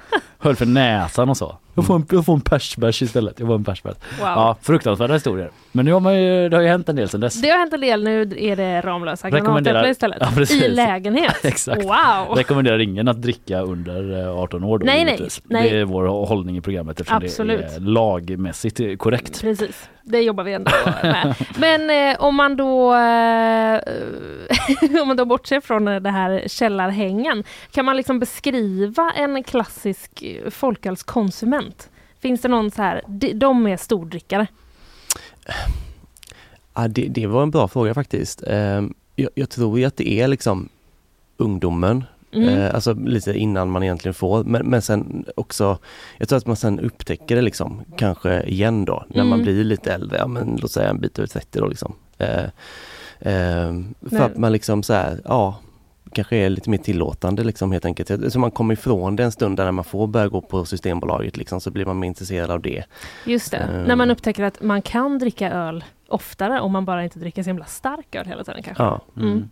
Finns, eh, får man och kan man liksom brygga sin egen folköl? Sånt där håller ju folk på med. Mm, ja, absolut. Men det är väl också så här eh, eh, Ja, det, det förekommer eh, säkerligen. Alltså, vissa är ju extremt nördiga liksom. Ja, Men jag tänker att vi lever ändå i liksom den här Mm. eh, nördiga killarnas kanske framförallt tidevarv liksom. Där man Ja. får dille på någonting och börjar göra det hemma liksom. Precis, och i boken är det, det är tre recept med faktiskt Ja, det är det. på folköl. Så det finns väl inga direkta hinder längre då. Nej. Nej. Tar det lång tid eller? Det tar väl en eh, totalt sett eh, tre, fyra veckor Ja. innan det är färdigt. Blir det gott undrar jag bara, för som liksom eh, mottagare vissa gånger av de här nördiga killarnas egenbryggda öl, Mm. så känner jag bara Hallå? eh, tack men nej tack. Eh, nej, men, nej men blir det gott? Är det svårt? Nej, alltså det kräver väl lite noggrannhet mest. Ja. Eh, alltså jag har bryggt öl men så här på väldigt basic nivå liksom. Mm. Man kan göra det hur svårt man vill såklart. Eh, men man får ändå bra resultat, det tycker jag. Eh, absolut, så det är Bra, hör ni det testa. killar? Testa folköl då istället. Ja Mm. precis. Folkmjöd då? Det är någonting som jag förstår har dykt upp i din eh, podd. Vad, Ja. är det, vad är det för någonting? Och är det liksom ett alternativ att räkna med? Ja, det där är, vi försöker få loss lite folkmjöd. Vi har inte lyckats än. Ja, ni har inte testat det? Vad är det? Eh, Ja, men det är ju mer en honungssöt dryck. Liksom. Mm. Det, det är väldigt sött oftast i alla fall, eh, mjöd. Mm. Så det är liksom, eh, det är ju inte riktigt öl. Nej nej okej, Egentligen. men det är ändå alkoholhalt? Ja, liksom. precis. Och lite mer som en persbärs kanske. Mm. Och De är rätt starka faktiskt om man inte tänker sig att det är folköl utan Mm. då kan de liksom upp på 12 procent och sådär kanske. Eh, Det tycker jag är konstigt, att sitta och dricka öl som är liksom över 10 procent. ja, Men eh, det är jag. kort kväll blir det. Ja, det blir det verkligen. Ja Effektivt. men så mjödet inte riktigt, eh, folkmjödet har inte breakat då låter det som. Om det är Nej. svårt att få tag på till och med. Det är ju ganska få som gör det överhuvudtaget. Eh, men ja, det, det kan bli en grej kanske. Mm. Det hade varit kul som lite komplement så. Mm. Om du skulle plocka ihop liksom ett eh, sexpack då av lite Mm. olika varianter för att ha en god kväll. Hur Mm. skulle det se ut? Om du ska tipsa lite? Ja, eh, definitiva sorter nu. Ja, Ja, det får snyggt. Det är inte public service där. Nej, Så kör bara. så är det. Eh, nej, men jag tycker man ska plocka något från Stigbergets, eh, kanske deras session-IPA. Eh, väldigt, väldigt gott. Det lokala bryggeriet. Mm. Ja precis. Jag tycker också att man skulle kunna åka ut till Björke. Det finns ett bryggeri som heter Balin Beer där ute. Mm. Eh, som brygger eh, både lättöl faktiskt och eh, folköl. Ensam i Göteborg om eh, lättöl. Eh, Björke Ale då kanske från honom. Sen tycker jag kanske att man ska plocka, om man ska gå lite utanför Göteborg då, Mm. eh, Stockholm Brewing har en Piccolo som är en pilsner i lite så italiensk stil. Väldigt Mhm. trevligt. Eh, Om man tar de här klassiska då, liksom, är du en Falconman? Är det Prips, Norrlands? Eh, För där, där har det ju ändå rådit debatt genom åren liksom. Vilken Ja. är den bästa? Den bästa sexpack, jag Sir hade... Taste-a-lot. Nå, den tycker jag är ganska hemsk. Okay, det är en kompis som säger att den är bäst och då har jag typ bara kört på den. För att jag typ litar på honom och inte tänker själv. Nej, då får Förutom du... på jobbet när jag är journalist då. Mm, det Eh, hoppas vi. Nej men jag vet inte, Prips har ju någonting. Eh, Det tycker jag ändå. Men det kanske är lite nostalgiskt också. På något vis. De har varit så duktiga på reklam också. Ja. Att de laddat den med en känsla. Ja, man har Det kanske är läge att liksom göra ett sånt blindtest Mm. bland liksom den basic folkölen. Ja, kanske. Mm. Vi gjorde det i podden en gång. Mm. Hur försökte minnas nu vad som blev eh, Jag tror Sofiero blev sämst i alla fall. Alltså, Eh, eller Sofiero, Sofiero, som ja, min kompis sa. Jag köpte de här spanska Sofiero. Har också många kompisar som har köpt Sofiero. Släppte man ju inte i första taget. Ja, den var sämst. Och sen eh, ja, får man eh, leta upp den här podden då om man Mm. vill eh, veta resultatet för vilken som var Ja bäst. men man får nog göra det, Ja. tyvärr alltså. Det är nog några år sedan nu. Ja, det säger Johan Lindberg i alla fall då, folkölsentreprenör kallar vi dig. Ja, Det är du Snyggt. med på. Ja, som absolut. har släppt den här boken då, en svagare bok om öl som kommer ut imorgon va? imorgon är det. Stort tack för att du kom hit idag Johan. Tack, vad kul.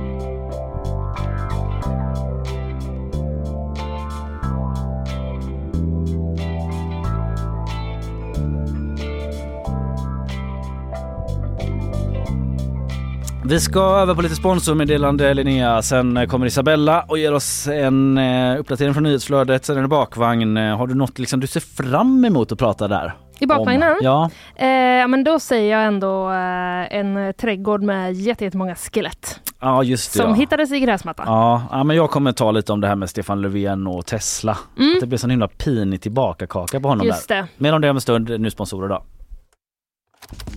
Nyhetsshowen presenteras av Fastighetsakademin, fastighetsbranschens egen skola.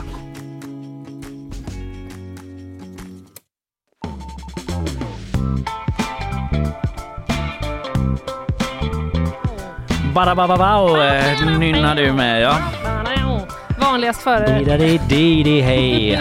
Den brukar jag köra ibland. Följ oss på Youtube. Vi är ett litet... eh, jag kommer inte på mer. Någon Nej. slags band här som nynnar. Men man kan ju faktiskt kolla på oss på Youtube Det kan nu man. och eh, sändningen eh, ligger väl kvar i efterhand också. Det är ju inte bara live Snegla mot Isabella Persson som ju är eh, något av en allkonstnär när det Mm. gäller eh, mediaproduktion så att säga. Jajamän, det är kablar och innehåll. Det är kablar och innehåll och nu är det dags för nyhetssvep Ja. från dig Isabella. Men jag kan väl också säga att man kan ju prenumerera på Youtube så får man liksom upp. Ja men det är bra, Just då kommer det. det upp där direkt och det blir enkelt att hitta och sådär. Om man sitter i någon jävla Mm. bil och ska köra kan man ju spela från Youtube. Alltså det, det förenklar ju lite grann. Man får gärna kolla liksom, vi har ju en ny liten knapp i GP-appen också. Exakt. Så om man laddar ner GP-appen eller uppdaterar den man har så kan man liksom hitta längst ner i bild. Väldigt lättåtkomligt. Rätt in till nyhetsshowen. Rätt in på nyhetsshowen bara. Så det är faktiskt en, eh, en jävla bra, eh, ett uppsving. Ja, det blev vi väldigt glada för. Men följ oss också på. Youtube för att vi vill ju väldigt gärna ha en sån one million followers. Ja exakt. Kan En jag sån känna liten personligen. sån eh, bricka Exakt. som man får. Ja, Mm. såna, visst, man får ju paket också va? Från Youtube. Jag har Mm. sett Pewdiepie få det. En dag så är vi större än Pewdiepie. Eh, riktigt där är vi inte ännu. Nej. Men vi är väl framme vid det här momentet där du ger oss en liten uppdatering Isabella. Ja, Vad ska vi prata Vi om? börjar i Palestina. Mm. Eh, där man just nu verkar sakna både internet och telefoni. Mhm. Eh, ingen uppkoppling till omvärlden. Eh, det uppger Gazas största leverantör Paltel. Och det är andra gången på väldigt kort tid som det här sker då. Att man inte Mm. har någon kontakt med omvärlden i form av då Ja, mobiler, Man telefoner. har ju hört den nyheten innan men Ja. då har det ju kopplats på och nu är det borta igen då. Ja, och sist gång det gjorde- försvann så var det ju, eh, försvann det i några dagar. Vi får väl se hur länge det här håller i sig men man kan ju förstå att det får lite konsekvenser när man inte kan Ja det är ju liksom kontakt. Ja, ja. Absolut. oöverblickbara följder Mm, för Eh, sittande i den här studion liksom såklart. Hur skulle man klara sig? Mm. Eh, Massa infrastruktur ja. såklart. Mm. Vi flyttar oss vidare till Europa och Paris. Eh, en händelse som också har koppling till konflikten i Israel och Palestina. Eh, där ett 60-tal Davidsstjärnor ska ha spridits upp på fasader eh, runt om i Paris. Ja jag såg det under morgonen. Ja, Vad det- handlar det om? Nej men detta ska ha skett då natten till igår. Eh, och man ska ha hittat liknande motiv eh, i utkanten av Paris som där man har målat upp de här motiven ihop med pro-palestinska eh, motiv. Mm. Eller okej. budskap. Och det utreds nu som ett möjligt hatbrott. För det här har skapat ganska mycket oro i Paris, främst bland den här judiska befolkningen och lokala myndigheter har också pratat om och liksom sagt så här, ja men det här för ju tankarna till förföljelsen som var på 30-talet mot judar. Ja där man Mm. ritade Davidsstjärnor. Ja, Ja. precis det är det man tänker på. Så det har skapat en eh, del oro i stan där också. Mm. Vi får väl se vad den utredningen leder till. Just det. Sen tänkte jag att vi avslutar eh, mitt nyhetssvep för idag. Ja. Eh, här i Sverige. Ja. Eh, det spelades fotboll igår i Malmö. ja, Eh, det var en eh, Sverige mot Italien i Nations League. Och jag har liksom läst de här rubrikerna och så bara tänkt, eh, vad är det här? För det var, har varit väldigt mycket kritik mot Sverige i de här texterna. Det blev 1-1. Mm. Sverige- Dunderfiasko liksom. Så Ja. kallar man det då. Mm. Och så, så jag tänkte att jag skulle lite upprättelse till det här svenska landslaget. Jaså, Ja. du tar den lilla Jag vinkeln. tänker det. Ja. Eh, för Annars att, är det ju liksom hela laget är underkänt. Ja, det var väldigt, väldigt hårda. Och jag ska erkänna, jag såg inte matchen. Eh, Mm. Men, men Sverige gjorde 1-1 i, på tilläggstid så i slutet av matchen lyckades man ändå rädda en poäng. Mot Italien, det sa du Exakt. kanske. Ja. Eh, Jag vet faktiskt inte om jag sa det, men det var Sverige mot Italien.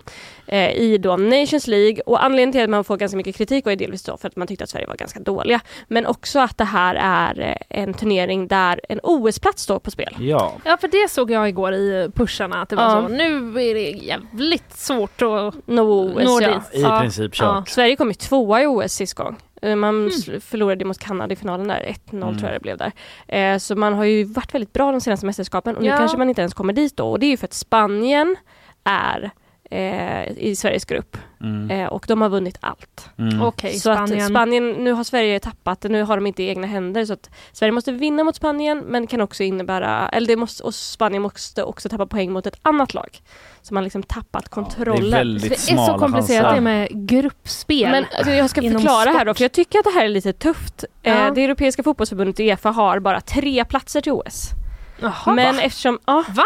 Alltså jag hoppas att jag har rätt nu för det här var lite svårt att ta reda på. Ja, det trodde Ja, jag inte men- var så lite. Ja, man har bara tre platser och det är bara 12 lag som spelar. Så en väldigt Oj. liten Ja, turnering, ja, 12 ja. eller 16. Eh, men det är väldigt få lag då. Och eftersom det går i Paris OS så är Frankrike direkt kvalificerade.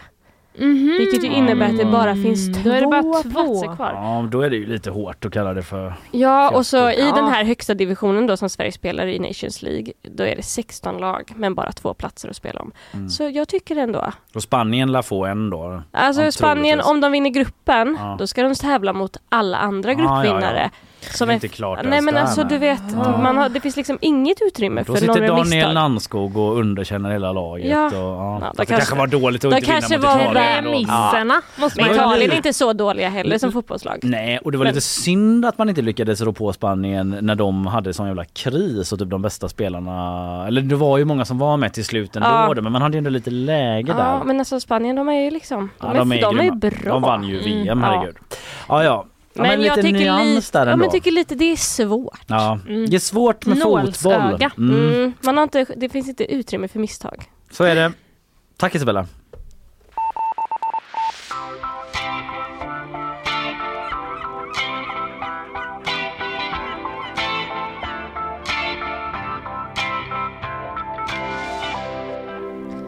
Killers of the Flower Moon. Ja, Känner du till?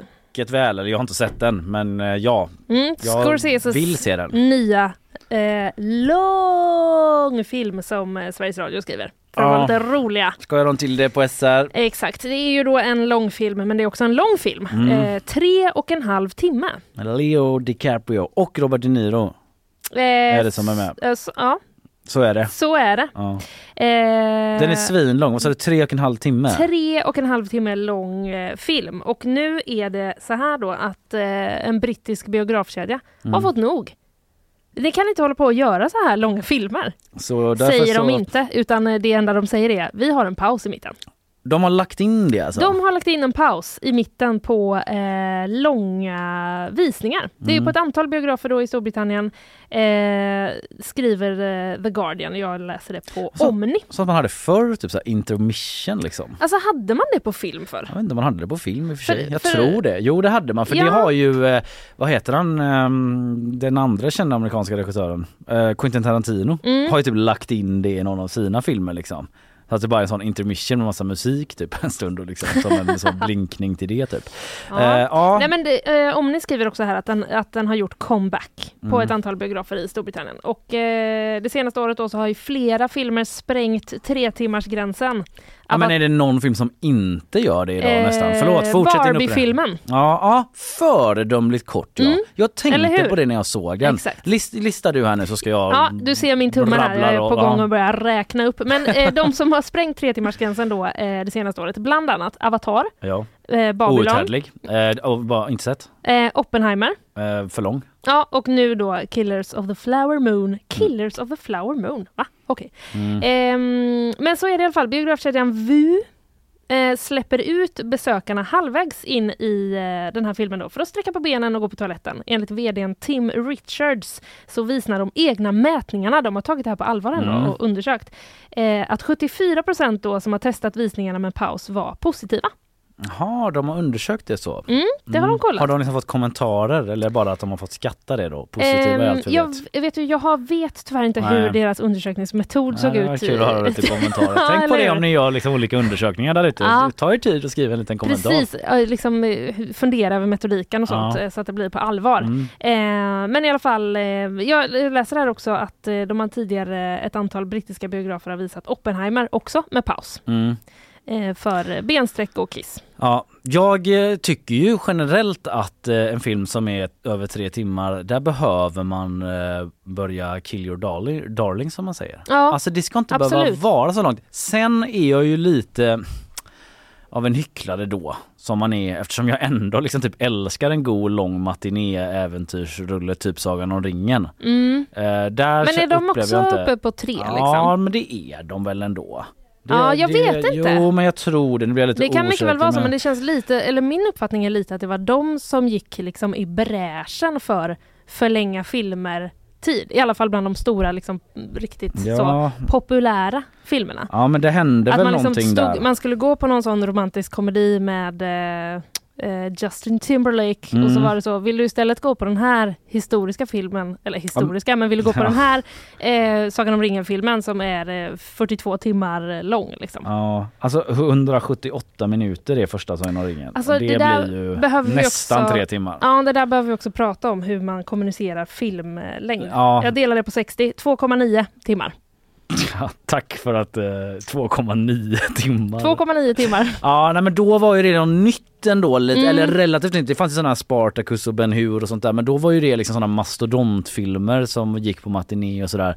Men då var det ju lite coolt att man liksom sprängde typ två, två timmars vallen. Ja. Men nu är det ju för många filmer som gör det. Ja, men jag tycker tar- inte man vinner något på det. Eller jag har sett för många långa filmer som bara är för långa. Ta- Där det är någon som borde tagit ansvar och strukit Jag- eh, saker. Jag tror det, tycker också det och liksom så här, jag vet inte om det är ingen som vågar säga till eh, Martin Scorsese Att nu får du skärpa dig liksom. Eller så är det där att eh, det är eh, det kommer på streamingplattformar och då är det i, Då kan det vara hur långt som helst. Ja det kan det vara hur långt som helst och det är liksom i typ Netflix intresse. Nu spekulerar jag, jag kan, vet inte det här Mm. säkert men att, eh, att folk är kvar på plattformen så Men- länge som möjligt. Ja men då är det väl också mer i deras intresse att göra det till olika avsnitt. Ja. Så att man ändå kan ta en paus. För det, det är ju liksom och de få gånger det har hänt att jag har tittat på en lång film, pausat i mitten och typ fortsatt några timmar senare. Alltså det går ju inte. Nej fast det händer ju mig hela tiden nu för tiden eftersom jag somnar eh, konstant. Ja, Jag försökte se. Men då kanske du här, ska eh, titta på uh, Forrest Chan istället, mycket kortare Ja avsnitt. det är det. Men så här, jag såg den här Boy from Heaven, eh, Mm. liksom försökte se den i kanske en vecka. Mm. Sen var det på slutet, jag hade så, på riktigt hade jag fem minuter kvar av slutet. Nej. Började kolla, somnade efter en minut. Nej. Liksom två, men det handlar ju om mitt stå liv liksom. Ja. Men var Men det inte jag- någonting med Scorsese att han... eh, Jo. Ja det var det. Jo, ja. jag vill säga att han har försvarat längden på sin film. Och eh, har då jämfört den med de många timmar som människor kan sitta i soffan och se en eh, tv-serie. Men jag- Visa respekt för biografen, har den 80-åriga Det kan man väl göra. sagt. Din 80-åriga filmskapare. Mm. Men det är ju någonting annat för att då är de eh, avsnitten uppbyggda på ett helt annat sätt. Liksom. Exakt. För att de ska bingeas och det är en annan dramaturgi och så vidare. Mm. Ja, den är säkert toppen den här filmen men det är någonting med att ta till exempel eh, Oppenheimer då. Mm. Där är det ju liksom så här fyra olika storylines och ämnen som Nolan vill berätta om liksom. Han måste renodla den Ja. känner jag. Nu är det liksom eh, kill-självförtroende att säga till någon. Nej men jag eh, tyckte bara det var roligt för vi gick igång bägge två du och jag så mycket Ja. på det här så jag väntar bara på att Ja, men Carl det- ska skriva så. Nu får ni Gå vidare, ja. skärpa er Ja. och gå vidare. Ja, men jag bara känner att eh, någon ja, måste nej, säga men till de här vi killarna som er. gör alltså, de här långa vi filmerna. har inte hur mycket tid som helst. Nej, och Vill du berätta något så gör det på ett filmen bra blir sätt. led, li, lidande av det. Ja. Titta på Barbie då. Exakt. Sen är det väl, Superbra. komedier är väl sällan tre timmar långa överhuvudtaget. Jo men vet du det kanske är dit vi är på väg. Att komedier också blir kommer bli det. så ja, långa. Greta Gerwig heter de va? Gerwig. Eh, det är mycket möjligt. Som gjorde Barbie. Alltså Ja. där, föredöme i det Verkligen. avse- avseendet.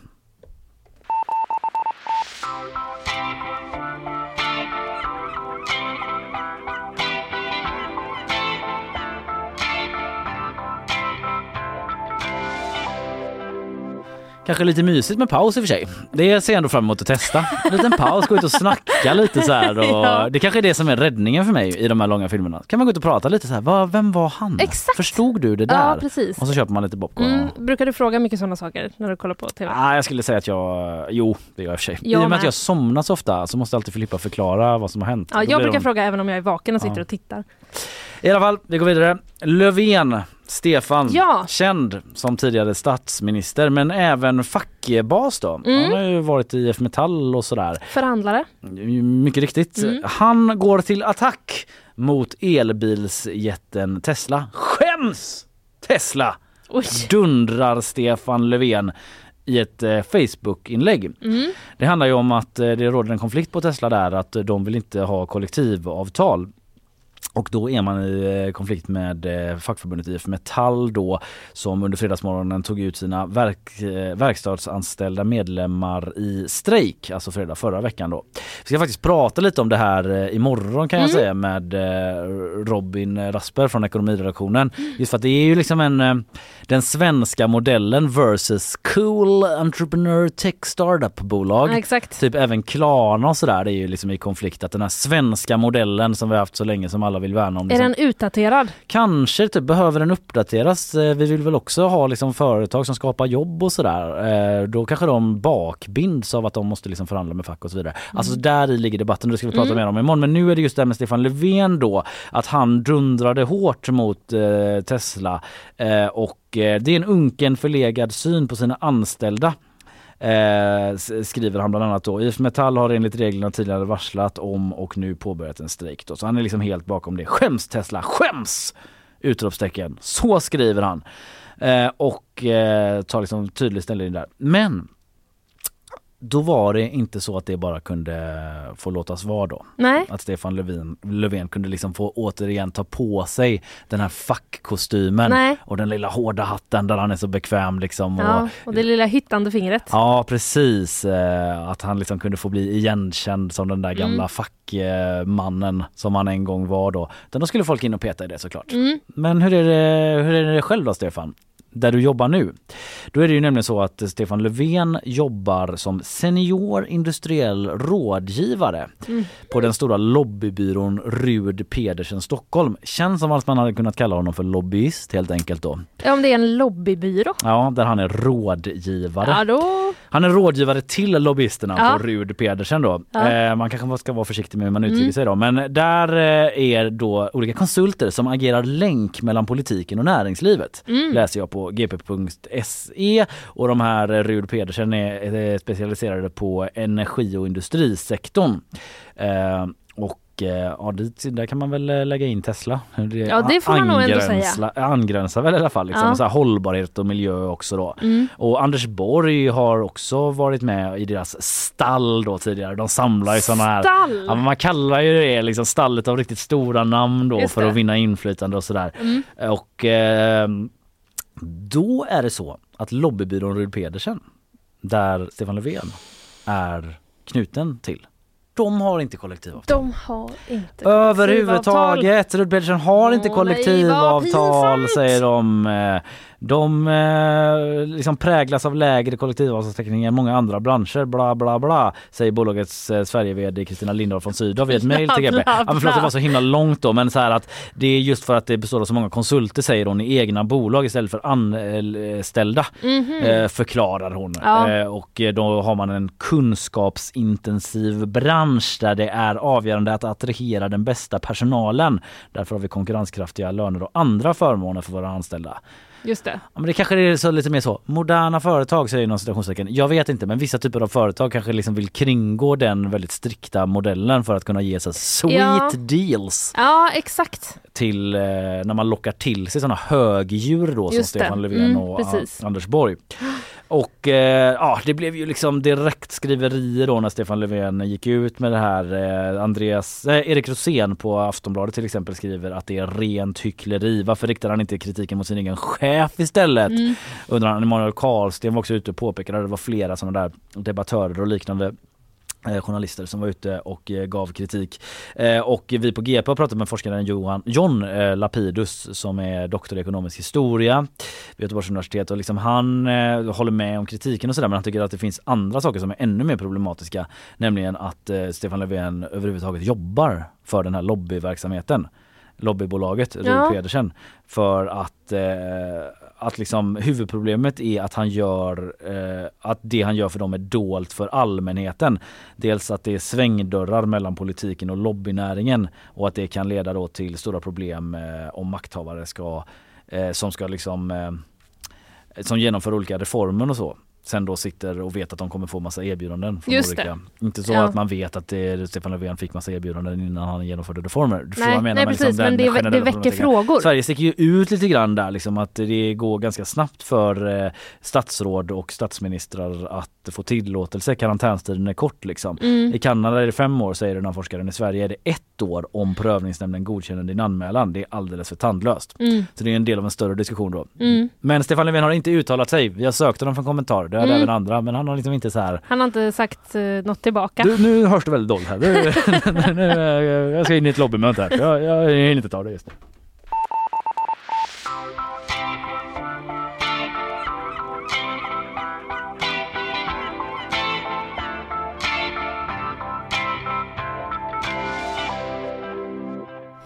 Nu ska vi då eh, äntligen eh, till slut till Eriks tomt. Ja, det är ju eh, halloween-tider. Det är, Men det handlar inte om det eh, egentligen. Nej, det gör det faktiskt Man skulle inte. kunna tro det. Man skulle kunna tro, absolut. Utan eh, det här är ju riktiga skelett. Ja. Som jag pratar om. Jag läser på gp.se att eh, det började med ett oväntat fynd i den gamla potatisåkern utanför Västerås. Några år senare har arkeologer hittat över 600 medeltida gravar på Erik Gustafssons släktgård. Och än är utgrävningen inte klar. Herregud. 600 medeltida gravar. Hur gick det med potatislandet? Det Ja. kan inte bli mycket potatisodlat Du- om arkeologerna ska in där och hitta liksom 600 det gravar. undrar man och Ja. måste man eh, hantera den på något visst sätt kanske. Eh, Erik säger i alla fall att eh, när man förstår vidden av det så blir det lite vördnadsfullt. Mm. Såklart vad det var Lite för... spooky också att han går eh, runt på eh, döda människor på gravar. Liksom. Ja, jo precis. Exakt. Om man hade varit eh, vidskepligt lagd så hade man kanske tagit in någon exorcist av något slag. Ja, precis. Men det verkar som att han skulle eh, helt enkelt bygga en eh, ny maskinhall på den här eh, marken. As you do. As you do, som nu är eh, aktuell då och då gjordes det en, eh, eftersom man tidigare då hade hittat vissa fynd från järnåldern i området så gjorde man en sån rutinundersökning. Just det. Vi ska bara titta lite snabbt här Mm. att det inte är 600 gravar innan du bygger din Precis. Ring maskinhall. jourhavande arkeolog. Exakt. Dyker upp med piska och hatt. De blev många för Mm. att det de hittade då var ja, skelett och sen ett skelett och sen ett eh, skelett. Alla blev jätteförvånade och först förstod man inte omfattningen säger Erik som typ fortfarande då inte har en maskinhall vad jag kan Mm. läsa ut. Tre år eh, senare. Ehm, men de har hittat 600 gravar hittills och arkeologerna eh, tror då att de kommer hitta mellan 200 och 300 till innan de är klara. Eh, och det verkar om att det, det liksom handlar om en i stort sett komplett kyrkogård från den allra tidigaste kristna perioden i Sverige. Som nu det är det då, eh, typ så tusental, Ja, från 1100. 1000-talet till 1300-talet. Ja. Eh, någonstans. Sen verkar det då som att man har, ehm, eh, säger, ska vi se, Ann Winberg som är projektledare då vid stiftelsen Kulturmiljövård Mm. som ansvarar för eh, det här arbetet. Eh, hon säger, eh, därefter har man troligen lagt ner kyrkan och kyrkogården som förmodligen flyttat till Sockenkyrkan någon kilometer bort. Mhm. Eh, men det är tydligen väldigt ovanligt att hitta så här många Ja. välbevarade skelett. Ja, och jag hur? kan säga det också, alltså det finns, vi har bilder i vår artikel på gp.se och det är eh, väldigt eh, välbevarade Det är benrangel efter benrangel. skelett. Liksom. Ja, jag ser. Ja, det får man ändå liksom, säga. ja. Man undrar liksom hur det funkar då när de ska in med detta, om han liksom får någon kompensation för sin eh, fordonshall eller Ja. eh, maskinhall. Eller hur, alltså egentligen blir det väl bara du vet, en förskjutning i tid, eller bara och bara. Det är klart att det liksom påverkar ju honom jättemycket. ja, det får man. Eh, vad har han sina maskiner? Men det verkar, eh, jo först till våren eh, 2024 är det, väntas utgrävningen då vara klar. Mm. Och Erik får vänta ett tag till då med att bygga sin maskinhall, eh, läser jag. Men han verkar inte vara stressad. Nej. Eh, det är dyrt att bygga nu ändå. Jag driver min verksamhet som vanligt. Ja, ja. Arkeologerna gör sitt jobb så bra de får ju perspektiv också. När man ser alla de här historiska döda människorna. så- Precis, han sa ju det att det känns Vem är jag i historiens Exakt. oändliga perspektiv och så. Precis, att det känns vördnadsfullt. Och han säger också att det känns ärofyllt att de får göra det i lugn och ro och skapa ett bra informationsunderlag till framtida generationer.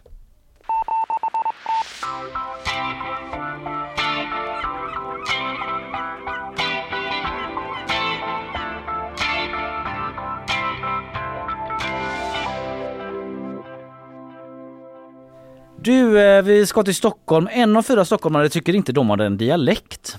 Nej. Läser jag på Omni. Detta såg jag. 24 procent som bor i Stockholm eh, liksom menar att så här, nej det är väl inget konstigt med hur jag pratar enligt en undersökning från Novus eh, som eh, språktidningen har gjort. Mm. Och eh, jag tänker bara att, jag bara reagerar på nyheten och jag tänker att det beror på att eh, det är så många som flyttar till Stockholm och försöker tvätta bort sin dialekt. Ja. Tror du inte det? Vadå, eller vänta, hur menar du? Jo men så här, de har frågat massa stockholmare då och då Ja. vet jag inte om de har eh, gått in på var man är född och så, snarare Nej, just var det. man bor i Stockholm. Mm. Och då är det massa folk som flyttar från Småland och Värmland och allt vad det heter. Mm. Och eh, då kanske har som, eh, jag vet inte som ambition men att det blir så efter ett tag att man tvättar bort eh, sin eh, dialekt. Och eh, Ja, hamnar i någon slags jo, det är sant. rikssvenska. Det är sant. Och att det är därför de går runt och hävdar att jag har väl ingen dialekt. Men liksom. jag tror också att eh, jag tror också att det kan gälla vissa liksom eh, Urstockholmare. urstockholmare Ja. som, eh, för det upplever jag kan gälla vissa här. Att man är så här, jag har ingen dialekt. Och sen så är det ändå Ska du ha en Jo, eh, det, det har du Ja. eh, faktiskt Ja. när, det väl, när det väl bränner till höll jag på att säga. Ja, Att man, kanske är lite hemmablind Ja så. men typ att man jämför sig kanske så med sin morfar till exempel. Just som det. råkar prata lite grövre. Tjena, Eh, som är en sån riktig... Exakt. Ja.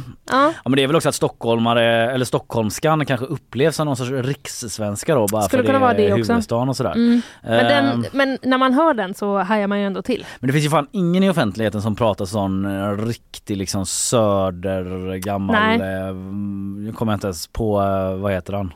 Eh, Jag vet inte. I can jive, I can jive. Jerka ja. vad fan heter han på Jerry Williams såklart. Jerry Williams. Som pratar liksom sån Åh. stockholmska. Nej. Det hör man ju inte någonstans heller. Nej. Eh, men jag bara reagerade på det liksom att folk går runt där i Stockholm då en av fyra tycker att de inte har någon dialekt alls. Jag menar, fan alla har väl det? Stockholmska är väl också en dialekt? Ja det är det, Eller absolut. menar de att alla går runt och pratar som hon på Aktuellt? Du vet, eller Rapport, hon som för, alltså brukar framhålla som typ den mest rikssvenska. Vem är det? Är det vad fan Katarina heter? Ja. Sandström? Så heter hon Eller? va? Ja. Nu skulle jag haft ett klipp på henne ja, hon nästan. är ju otroligt Ja men hon ja. eh, bra på att artikulera. Ja, väldigt bra, väldigt så här, ligger väldigt tryggt i röstläget Ja, ja, ja. och det är omöjligt att höra vart ifrån hon i Sverige hon är uppväxt. Ja, eh, men, det har eh, jag läst någon gång när jag googlade på henne men jag kommer inte ihåg just nu. Nej nu är jag inne på hennes Wikipedia. Hon är ju född i är. Etiopien då. Ja. Men det hörs ju inte så sett. Men ja, fan nu står det inte vart hon är växt upp då, bara för det. Nej. Jo, Tavelsjö. Tavelsjö ja. Det är ju inte Stockholm precis. Skitsamma sidospår med Katarina Sandström men Mm. eh, tänk eh, till lite där i Stockholm eh, nästa gång eh, Novus hör av sig på uppdrag av Språktidningen.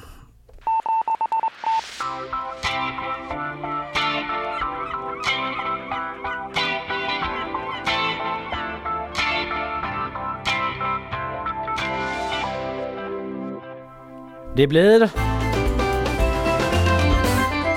Djurens djurnyheter Jag tror att jag vet det Det blir djurnyheter Djurens djurnyheter Vad är det det heter? Just det, djurnyheter pappa. Vad är det för djurnyheter? Alpacka. Jag trodde du skulle säga vad är det för djur? och så klarade jag inte av att ställa om så jag var tvungen att säga det ändå. Drömmen blev sann. Eh, se tioåringen rasta alpackor genom Sunderbyn. SVT Norrbotten är Mm. jag på så att eh, jag misstänker att det är en ort som jag inte har fått förmånen att känna till förrän just nu. Jag försöker bryta ner den där meningen. Men berätta, alltså det är någon, ja Mm. fortsätt. I Sunderbyn då utanför Luleå så finns det en familj med ovanliga husdjur betandes på villatomten. Eh, så här säger Emme, 15 år. Jag hade sparat ihop pengar och det enda jag ville köpa var alpackor. Pappa jag vill ha en alpacka. Ja. En alpacka. ja, de är himla gulliga. De är ju faktiskt eh, gulliga och de, eh, de spottar väl ändå inte heller va? Gör de inte det? Nej, det är väl bara lamor som, gör som det. spottar. Jag Eller är spottar ganska alpackor också. lättskötta alpackor i alla fall. Ja, de kan vara, de kan vara lite tjorv. Eller jag har träffat Mm. dem bara en gång på nära håll och då var de lite sådär ändå. In, det var ju inte en labrador liksom som kom fram och Nej. bara hej! Jag bara minns en sån scen från den här dokumentären om SD Mattias Karlsson när han går runt på landsbygden i typ Småland och typ pratar om så hur det var förr och sånt och liksom eh, här är det Sverige liksom och så bara kommer det som folk med alpackor. så minns jag det i alla fall. Oj, okej. Men i alla fall, eh, vi kan väl lyssna lite på hur eh, mamman i familjen här, som jag inte hittar namnet på just nu, eh, berättar om de här eh, alpackorna. Men då har min dotter M sparat ihop, hon jobbar tre somrar och sparat ihop pengar. Och när hon hade nog med pengar så då var det enda hon ville köpa, det var alpackor. Så då började vi leta efter dem och då hittade vi de här. Fan vad gulligt. Så det är otroligt gulligt. Alltså barn som tjänar sina egna pengar Ja. eh, och det inte är i en sweatshop i Kina, alltså Ja, barnarbete. precis. Det Mm. står jag bakom. Precis, men också, eh, jag blev lite avundsjuk på det här. Eh, ja, hon hade jobbat, eh, hon ville köpa det här, så då började vi leta. Ba, eh, förlåt, vad hände med att säga nej jättemånga gånger? Nej, det är klart du inte kan få alpackor. Ja men om hon redan kommer och har jobbat i tre somrar bara här är pengarna. Alltså, jag vet inte om det hade gått alla gånger i min familj. Tror du hon har mycket skärmtid den tjejen eller? Eh, ja, jag tror att hon tittar på bara alpackavideos. Ja det kanske hon och så gör. nu tjej. kanske hon Man får har bytt att hon är så det då. driftig. Ja. Ja. nu har hon kanske bytt det då mot eh, alpackor. Men så har de det i alla fall och eh, de promenerar då med de här alpackorna genom eh, samhället. Jag vill också bara att vi ska lyssna lite på hur en alpacka låter. Låt oss. Eh, för att eh, det kände inte jag till eh, innan. Jag hoppas att man hör. Jo, mm, vill du gå hem? Alltså visst Eh, låter det också lite som någon som är sur? Som är så. Mm. Ta det en gång till då när du har sagt det. Jo, mm, vill du gå hem? Hon är lite trött och typ så. "Ah, Jag vill, fan, jag vill inte göra någonting, jag är inte sugen Nej. på något. Nej, Så låter de. exakt. Ska vi gå eh, till den eh, krogen eller vill du hem? Mm. Eh, mm. Men eh, i alla fall, de låter så här då när, eh, för just den här alpackan var lite för långt bort från sin flock. Jaha. Då kommer det ljudet. Mm. Typiskt alpacka. Eh, tiden springer. Jag bara tar lite kort. Eh, SAS, eh, det var ju med viss pompa och ståt som man meddelade att man skulle öppna en ny direktlinje då mellan eh, New York och Göteborg. Ja, Nu kör vi! Göteborg kopplas till eh, stora världen, västvärlden. exakt. Äntligen tänkte jag. Nu blir det enklare med en weekend. Ja precis, nu blir det svårare igen då för nu det. skrotar man den direktlinjen.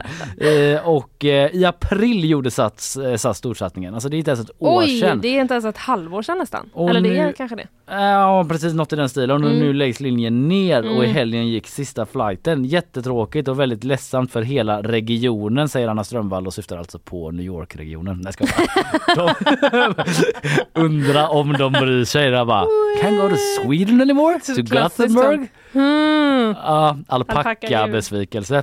Ja, så det var bara helt eh, kort att eh, nu kan man inte göra det längre. Man kan läsa mer om det på gp.se. Mm. Man undrar ju också om hela regionen, även om det är här, verkligen är besviken. då, För jag misstänker att det kanske var att ingen åkte Ja, det kanske inte är så många besvikna. Nej. som gjorde Nej. att de lägger ner den. Det var samma gäng på 10 pers som bara tjena Ja. tjena, ska Ja. ni på Broadway eller? Jajamän. Ja. Det här med klimatet då? Nej, ta inte upp det nu igen. Nej. Nu åker vi till New York och har lite kul istället.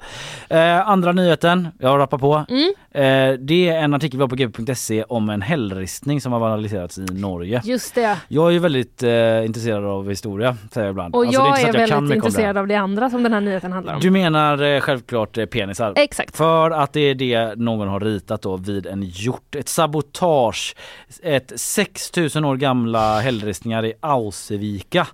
Eh, där kom eh, någon ut och skulle liksom beskåda det här eh, historiskt eh, viktiga efterlämningen då Ja. från någon typ av eh, grottmänniskor var man kanske inte sex, för 6000 år sedan men för, för människor är det inte heller. Men du förstår vad jag menar. Och då hade eh, motivet av en hjort kompletterats med en nymålad penis och inte vilken penis som helst utan en erigerad penis. Så eh, klart. det är sällan det, man ser någon måla den slake. det är, eh, vet du vad? i de här Det är sammanhangen. väldigt sällan faktiskt. Ja. Skulle jag eh, säga. Men det är också, alltså man blir liksom man blir ju lite trött och samtidigt kan jag inte låta bli att fnissa. Ja. Lite, lite grann. Men sen blir ju fnisset att man ändå är så. Men eh, det här går ju inte att, ta tillbaka liksom. Ja, du hade nog kunnat hålla dig för skratt om du stod öga mot öga med eh, Trond Lödvens. För detta har ju skett till hans stora förtret då. Hur Mm. okunnig kan man egentligen vara? Säger han till NRK och kanske till dig då när du hade suttit där och småfnissat. Hur vordan okunnig kan, man vara? Så är det någon som har ritat en penis på ett stort djur, säger han. Hur okunnig kan man egentligen vara? Eh, precis. och det kan man verkligen fråga sig. Vi hoppas fortfarande att eh, på ett eller annat sätt att vi ska klara av det, säger han till eh, NRK och då syftar han alltså på restaureringsarbetet. Att få bort den här eh, synnerligen erigerade penisen. Just det, fruktansvärt barnsligt gjort av någon. Ja, verkligen. Det här och är ju liksom att förstöra ett eh, kulturarv. ett eh, kulturarv. Precis. Ja. Men eh, man kan ju, eh, ja nej förlåt jag ska inte säga något, men det känns som vi är på lite det här spåret med också det här trädet som någon bara så, way, sågade ner för några Ja, veckor sedan. Liksom, det är alltid det där också att man inte det- vet hur, det är så mycket mer omfattande nyhetsrapportering från hela världen. Det här Exakt. kanske har pågått länge. Precis. Och jag menar det var ju också det de höll på med i Mm. grottorna och i 6000 år sedan människorna Exakt. att måla penisar. Det Precis. har, har väl hänt. Det är väl så en av de tidigaste klottren. eh, Ja, man kanske får se det som liksom en del av kulturarvet. Ja. Fan vad pinsamt för oss i framtiden. Mm. Ta, kan du se det som en del av det Trond Lödön eh, så eh, kan du nog eh, liksom dansa vidare i livet Ja. lite mer. Är vi nöjda eller? Ja, nu är vi nöjda. Svårt att säga något annat när jag har tryckt igång den knappen Exakt. Linnea. Eh, man kan eh, läsa, äh, skitsamma. Eh, vi är tillbaka imorgon igen. Ja! Eh, Youtube, där kan man prenumerera på oss om man vill kolla den vägen på sändningen. Mm. Lyssnar också, stäng skärmen och lyssna. Lyssna överallt. Nej det kan man inte ens. Skitsamma. Men man kan titta på Youtube i alla fall och på nyhets, eh, nyhetsshowen heter vi på Instagram. Producent idag heter eh, Carl Jansson eh, och med den tajta avan så säger vi väl hej då då. Vi ses imorgon. Ja det gör vi. Hej!